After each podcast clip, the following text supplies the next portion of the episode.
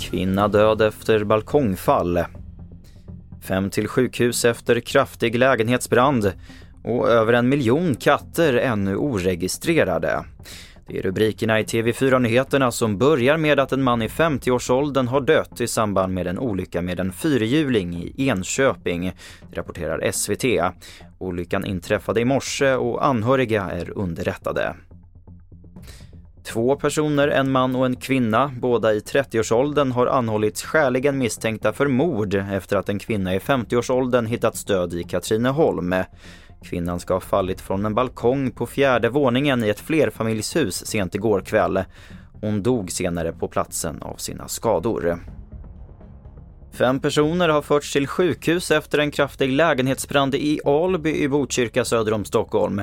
Lågor slog ut genom fönstret från lägenheten när brandkåren kom till adressen runt tretiden en natt. Branden är nu släckt men polisen är kvar på platsen och en förundersökning gällande mordbrand är inledd. Och det går trögt för det nya kattregistret som upprättades vid årsskiftet.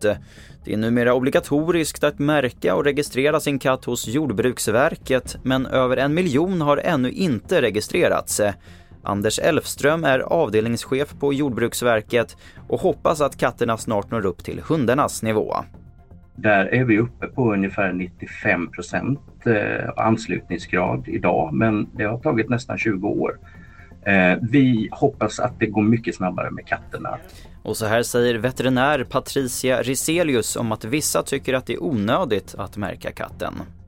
Det kan de tycka, men de har heller inte sett det vi ser, det vill säga katter som vi kan få in, till exempel trafikskadade som inte vi får tag i ägare. Eh, katter som kommer in till djurskyddet som vi ser är kastrerade och som någon förmodligen har tyckt om, men vi kan inte hitta vem det är. Och det var senaste uppdateringen från TV4 Nyheterna. Jag heter Albert Hjalmers.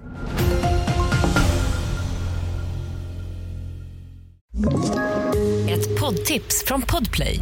I fallen jag aldrig glömmer djupdyker Hasse Aro i arbetet bakom några av Sveriges mest uppseendeväckande brottsutredningar.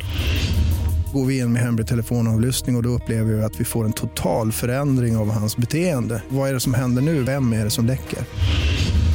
Och så säger han att jag är kriminell, jag har varit kriminell i hela mitt liv men att mörda ett barn, där går min gräns. Nya säsongen av Fallen jag aldrig glömmer på Podplay.